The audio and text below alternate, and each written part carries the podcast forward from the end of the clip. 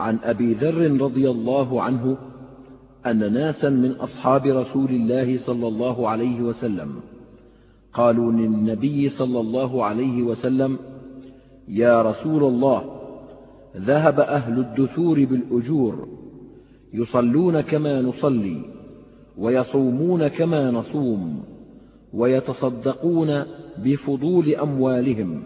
قال أوليس قد جعل الله لكم ما تصدقون؟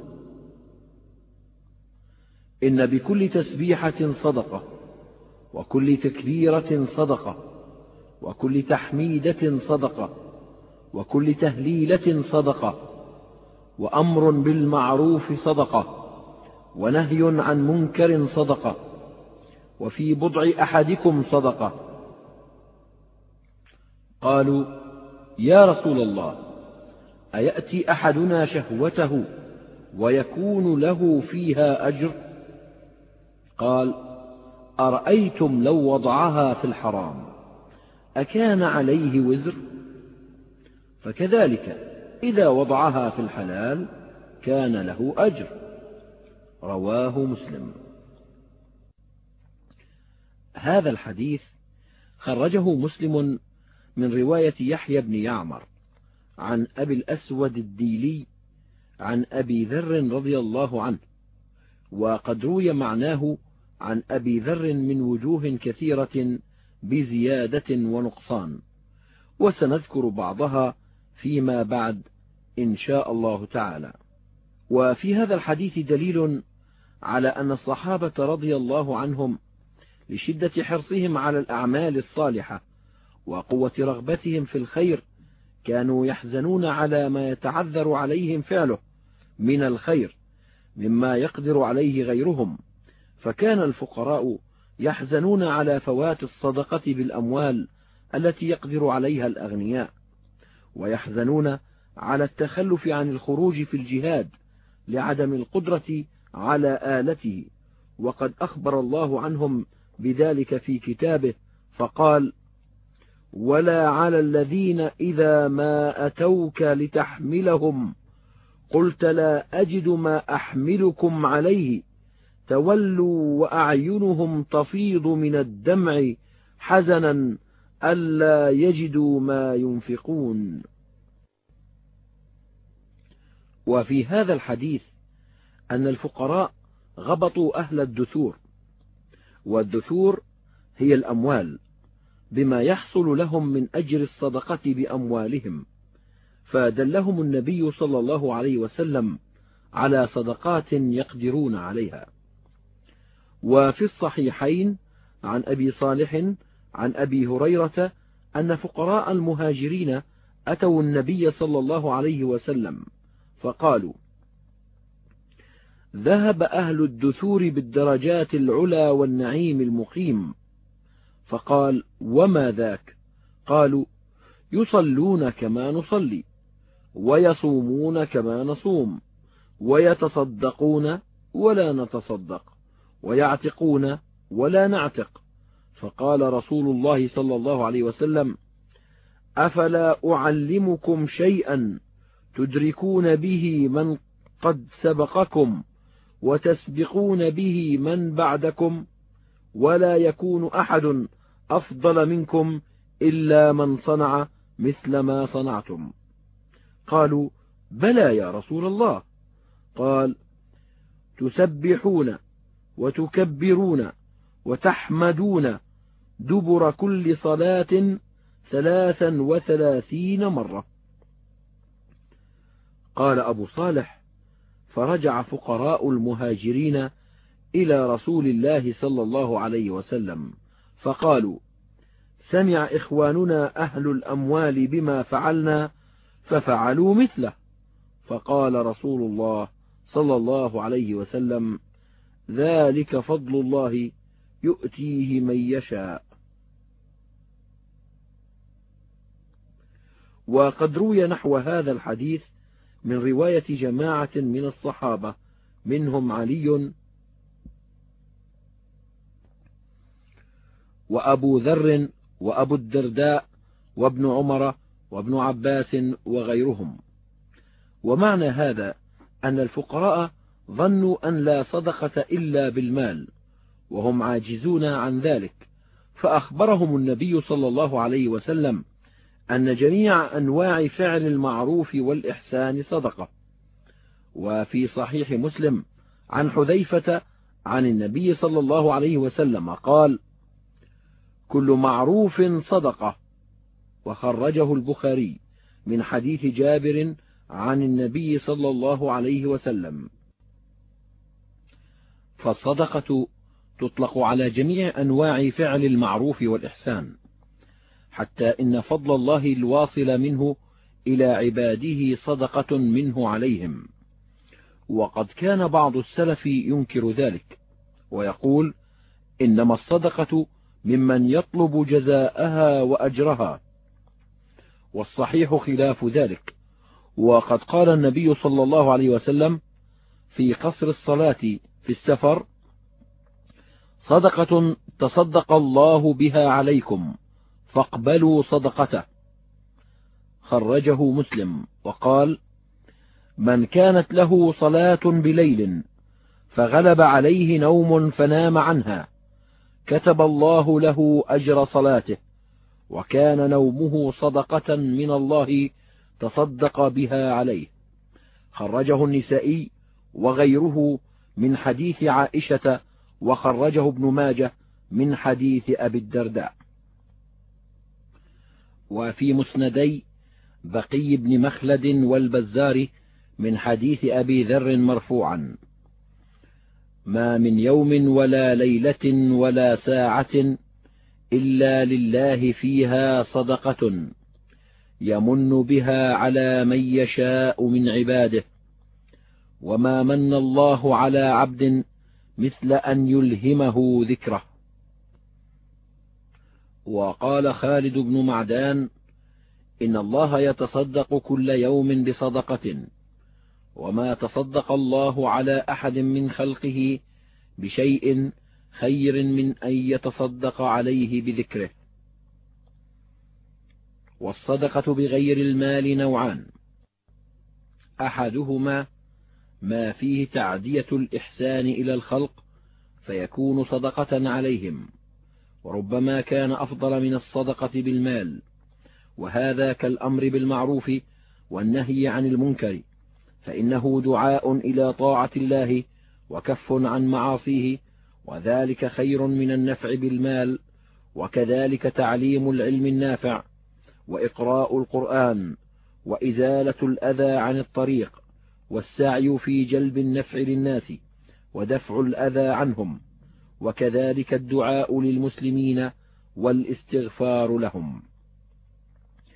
وخرج ابن مردويه بإسناد فيه ضعف عن ابن عمر مرفوعا.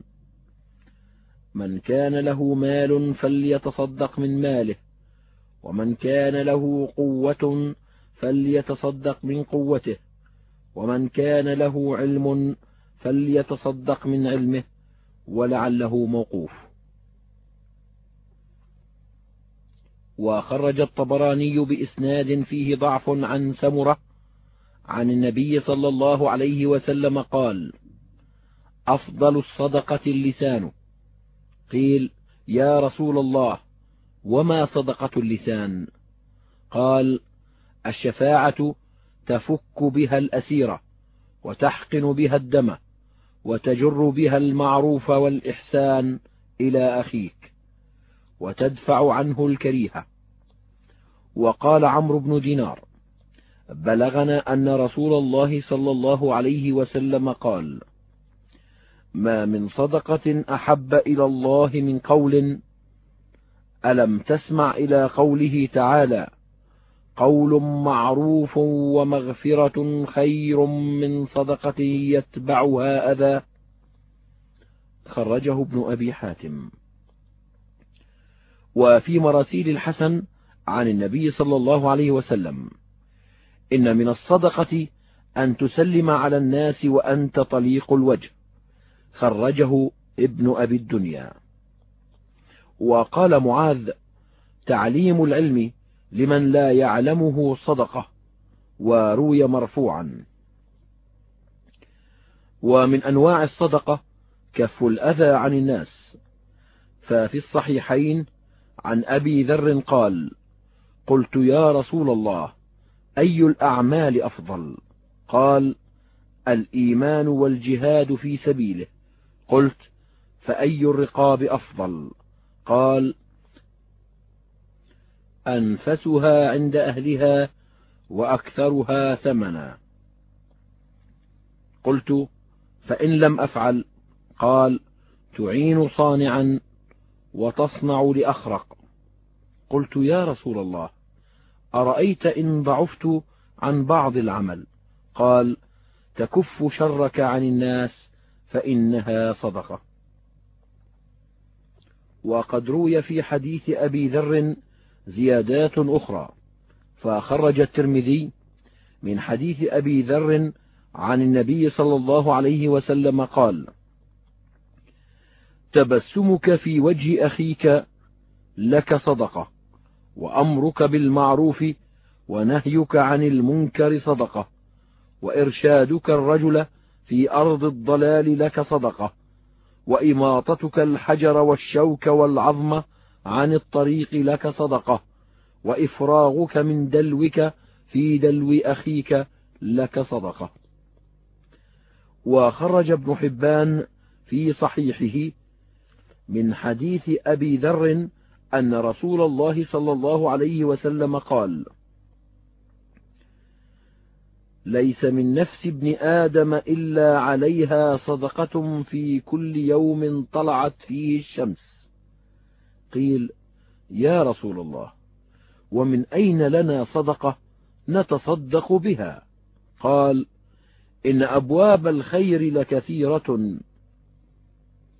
التسبيح والتكبير والتحميد والتهليل والأمر بالمعروف والنهي عن المنكر وتميط الأذى عن الطريق وتسمع الأصم وتهدي الأعمى وتدل المستدل على حاجته وتسعى بشدة ساقيك مع اللهفان المستغيث وتحمل بشدة ذراعيك مع الضعيف فهذا كله صدقة منك على نفسك. وخرج الإمام أحمد من حديث أبي ذر قال قلت يا رسول الله ذهب الأغنياء بالأجر يتصدقون ولا نتصدق. قال وأنت فيك صدقة رفعك العظم عن الطريق صدقة وهدايتك الطريق صدقة. وعونك الضعيف بفضل قوتك صدقة وبيانك عن الأغتم صدقة ومباضعتك امرأتك صدقة. قلت يا رسول الله نأتي شهوتنا ونؤجر؟ قال أرأيت لو جعله في حرام أكان يأثم؟ قال قلت نعم. قال أفتحتسبون بالشر ولا تحتسبون بالخير؟ وفي رواية أخرى فقال النبي صلى الله عليه وسلم إن فيك صدقة كثيرة فذكر فضل سمعك وفضل بصرك. وفي رواية أخرى للإمام أحمد قال إن من أبواب الصدقة التكبير وسبحان الله والحمد لله ولا إله إلا الله وأستغفر الله وتأمر بالمعروف وتنهى عن المنكر وتعزل الشوكة عن طريق الناس والعظم والحجر وتهدي الأعمى وتسمع الأصم والأبكم حتى يفقه وتدل المستدل على حاجة له قد علمت مكانها. وتسعى بشدة ساقيك إلى اللهفان المستغيث وترفع بشدة ذراعيك مع الضعيف. كل ذلك من أبواب الصدقة منك على نفسك ولك في جماعك زوجتك أجر.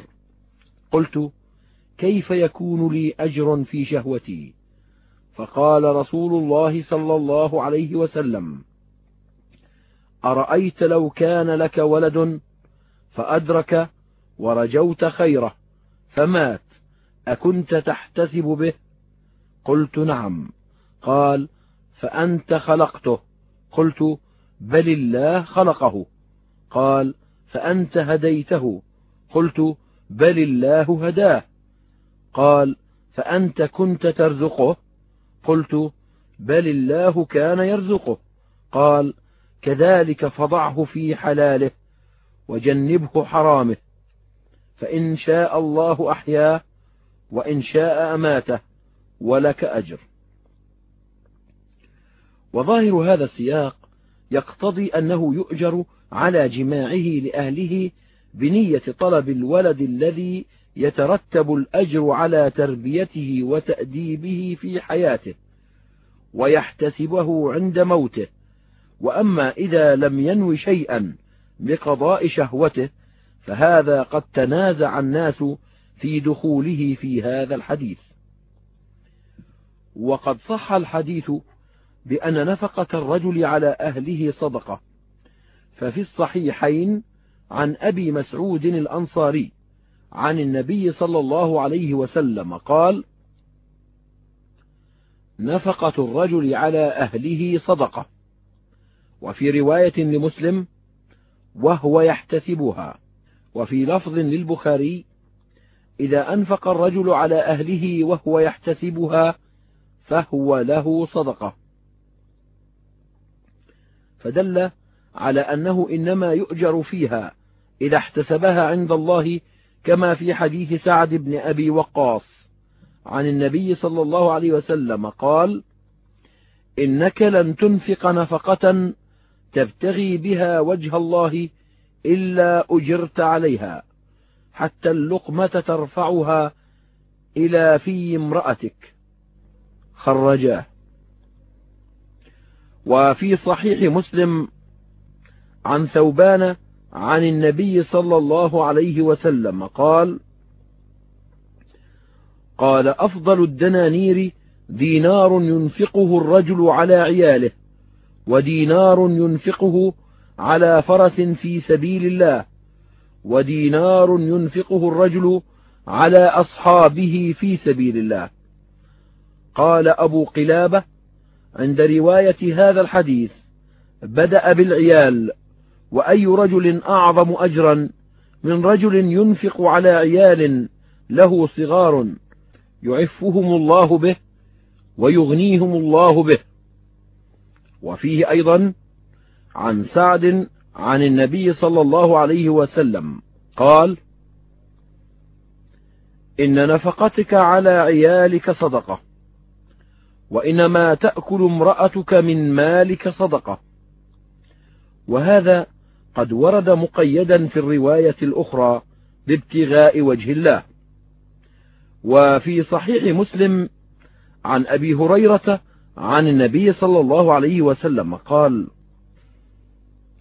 دينار أنفقته في سبيل الله ودينار أنفقته في رقبة ودينار تصدقت به على مسكين ودينار أنفقته على أهلك. أفضلها الدينار الذي أنفقته على أهلك. وخرج الإمام أحمد وابن حبان في صحيحه من حديث أبي هريرة قال قال رسول الله صلى الله عليه وسلم تصدقوا فقال رجل عندي دينار فقال تصدق به على نفسك قال عندي دينار آخر قال تصدق به على زوجتك قال عندي دينار آخر قال تصدق به على ولدك. قال عندي دينار آخر. قال تصدق به على خادمك. قال عندي دينار آخر. قال أنت أبصر. وخرج الإمام أحمد من حديث المقدام بن معد يكرب عن النبي صلى الله عليه وسلم. قال ما أطعمت نفسك فهو لك صدقة. وما أطعمت ولدك فهو لك صدقة. وما أطعمت زوجتك فهو لك صدقة. وما أطعمت خادمك فهو لك صدقة. وفي هذا المعنى أحاديث كثيرة يطول ذكرها. وفي الصحيحين عن أنس عن النبي صلى الله عليه وسلم قال ما من مسلم يغرس غرسا أو يزرع زرعا فيأكل منه إنسان أو طير أو دابة إلا كان له صدقة. وفي صحيح مسلم عن جابر عن النبي صلى الله عليه وسلم قال ما من مسلم يغرس غرسا إلا كان ما أكل منه له صدقة وما سرق منه له صدقة وما أكل السبع منه فهو له صدقة وما أكلت الطير فهو له صدقة ولا يرزقه أحد إلا كان له صدقة. وفي رواية له أيضا فيأكل منه إنسان ولا دابة ولا طائر إلا كان له صدقة إلى يوم القيامة. وفي المسند بإسناد ضعيف عن معاذ بن أنس الجهني عن النبي صلى الله عليه وسلم قال من بنى بنيانا في غير ظلم ولا اعتداء أو غرس غراسا في غير ظلم ولا اعتداء كان له أجرا جاريا ما انتفع به أحد من خلق الرحمن. وذكر البخاري في تاريخه من حديث جابر مرفوعا من حفر ماء لم تشرب منه كبد حرا من جن ولا إنس ولا سبع ولا طائر إلا آجره الله يوم القيامة. وظاهر هذه الأحاديث كلها يدل على أن هذه الأشياء تكون صدقة تكون صدقة يثاب عليها الزارع والغارس ونحوهما من غير قصد ولا نية. وكذلك قول النبي صلى الله عليه وسلم أرأيت لو وضعها في الحرام أكان عليه وزر؟ فكذلك إذا وضعها في الحلال كان له أجر. يدل بظاهره على أنه يؤجر في إتيان أهله من غير نية فإن المباضع لأهله كالزارع في الأرض الذي يحرث الأرض ويبذر فيها. وقد ذهب إلى هذا طائفة من العلماء ومال إليه أبو محمد بن قتيبة في الأكل والشرب والجماع واستدل بقول النبي صلى الله عليه وسلم إن المؤمن ليؤجر في كل شيء حتى في اللقمة يرفعها إلى فيه. وهذا اللفظ الذي استدل به غير معروف. إنما المعروف قول النبي صلى الله عليه وسلم لسعد إنك لن تنفق نفقة تبتغي بها وجه الله إلا أجرت عليها حتى اللقمة ترفعها إلى في امرأتك. وهو مقيد بإخلاص النية لله. فتحمل الأحاديث المطلقة عليه والله أعلم. ويدل عليه أيضا قول الله عز وجل لا خير في كثير من نجواهم إلا من أمر بصدقة أو معروف أو إصلاح بين الناس. ومن يفعل ذلك ابتغاء مرضات الله فسوف نؤتيه أجرا عظيما. فجعل ذلك خيرا ولم يرتب عليه الأجر إلا مع نية الإخلاص. وأما إذا فعله رياء فإنه يعاقب عليه. وإنما محل التردد إذا فعله بغير نية صالحة ولا فاسدة. وقد قال أبو سليمان الداراني من عمل عمل خير من غير نية كفاه نية اختياره للإسلام على غيره من الأديان.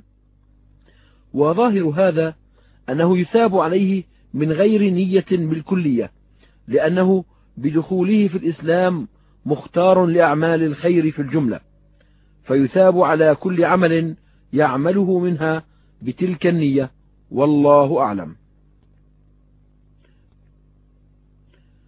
وقوله أرأيت لو وضعها في الحرام أكان عليه وزر؟ فكذلك إذا وضعها في الحلال كان له أجر. هذا يسمى عند الأصوليين قياس العكس ومنه قول ابن مسعود قال النبي صلى الله عليه وسلم كلمة وقلت أنا أخرى. قال من مات يشرك بالله شيئا دخل النار. وقلت من مات لا يشرك بالله شيئا دخل الجنة. والنوع الثاني من الصدقة التي ليست مالية ما نفعه قاصر على فاعله كأنواع الذكر من التكبير والتسبيح والتحميد والتهليل والاستغفار وكذلك المشي إلى المساجد صدقة. ولم يذكر في شيء من الأحاديث الصلاة والصيام والحج والجهاد أنه صدقة. وأكثر هذه الأعمال أفضل من الصدقات المالية لأنه إنما ذكر ذلك جوابا لسؤال الفقراء الذين سألوه عما يقاوم تطوع الأغنياء بأموالهم. وأما الفرائض فقد كانوا كلهم مشتركين فيها. وقد تكاثرت النصوص بتفضيل الذكر على الصدقة بالمال وغيرها من الأعمال.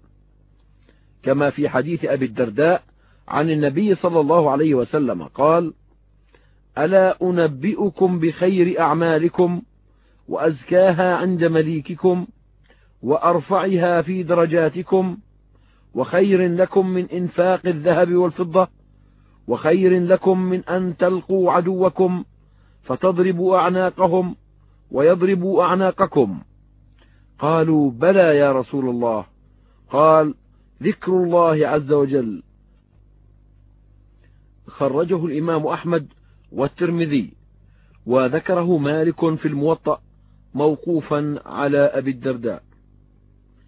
وفي الصحيحين عن أبي هريرة عن النبي صلى الله عليه وسلم قال من قال لا إله إلا الله وحده لا شريك له له الملك وله الحمد يحيي ويميت وهو على كل شيء قدير.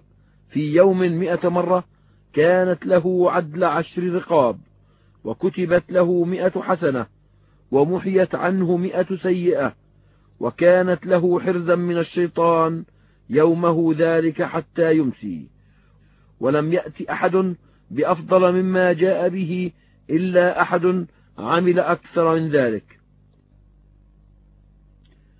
وفيهما أيضا عن أبي أيوب عن النبي صلى الله عليه وسلم أنه قال من قالها عشر مرات كان كمن أعتق أربعة أنفس من ولد إسماعيل وخرج الإمام أحمد والترمذي من حديث أبي سعيد أن النبي صلى الله عليه وسلم سئل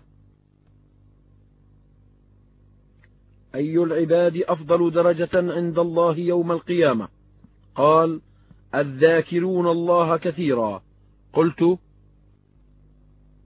يا رسول الله ومن الغازي في سبيل الله؟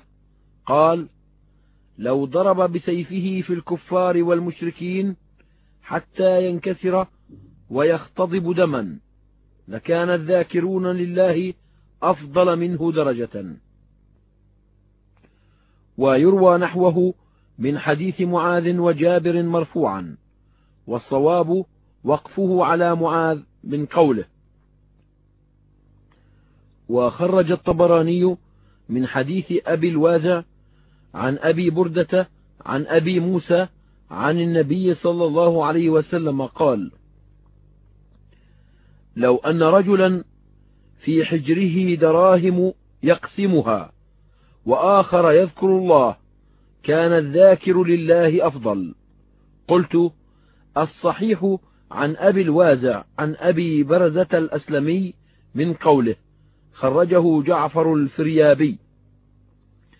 وخرج أيضا من حديث أنس عن النبي صلى الله عليه وسلم قال من كبر مئة وسبح مئة وهلل مئة كانت خيرا له من عشر رقاب يعتقها ومن سبع بدنات ينحرها. وخرج ابن أبي الدنيا بإسناده عن أبي الدرداء أنه قيل له إن رجلا أعتق مئة نسمة. فقال إن مئة نسمة من مال رجل كثير وأفضل من ذلك إيمان ملزوم بالليل والنهار. وأن لا يزال لسان أحدكم رطبا من ذكر الله عز وجل. وعن أبي الدرداء أيضا قال لئن أقول الله أكبر مئة مرة أحب إلي من أن أتصدق بمئة دينار. وكذلك قال سلمان الفارسي وغيره من الصحابة والتابعين إن الذكر أفضل من الصدقة بعدده من المال. وخرج الإمام أحمد والنسائي من حديث أم هانئ أن النبي صلى الله عليه وسلم قال لها سبح الله مئة تسبيحة فإنها تعدل مئة رقبة من ولد إسماعيل واحمد الله مئة تحميدة فإنها تعدل لك مئة فرس ملجمة مسرجة تحملين عليهن في سبيل الله وكبر الله مئة تكبيرة فإنها تعدل لك مئة بدنة مقلدة متقبلة وهلل الله مئة تهليلة. لا أحسبه إلا قال تملأ ما بين السماء والأرض ولا يرفع يومئذ لأحد مثل عملك إلا أن يأتي بمثل ما أتيت. وخرجه أحمد أيضا وابن ماجه وعندهما وقولي لا إله إلا الله مئة مرة لا تذر ذنبا ولا يسبقها العمل. وخرجه الترمذي من حديث عمرو بن شعيب عن أبيه عن جده عن النبي صلى الله عليه وسلم بنحوه. وخرج الطبراني من حديث ابن عباس مرفوعا قال ما صدقة أفضل من ذكر الله عز وجل. وخرج الفريابي بإسناد فيه نظر عن أبي أمامة مرفوعا. من فاته الليل أن يكابده وبخل بماله أن ينفقه وجبن من العدو أن يقاتله. فليكثر من سبحان الله وبحمده. فإنها أحب إلى الله عز وجل من جبل ذهب أو جبل فضة ينفقه في سبيل الله عز وجل. وخرجه البزار بإسناد مقارب من حديث ابن عباس مرفوعا وقال في حديثه فليكثر ذكر الله ولم يزد على ذلك وفي المعنى أحاديث أخر متعددة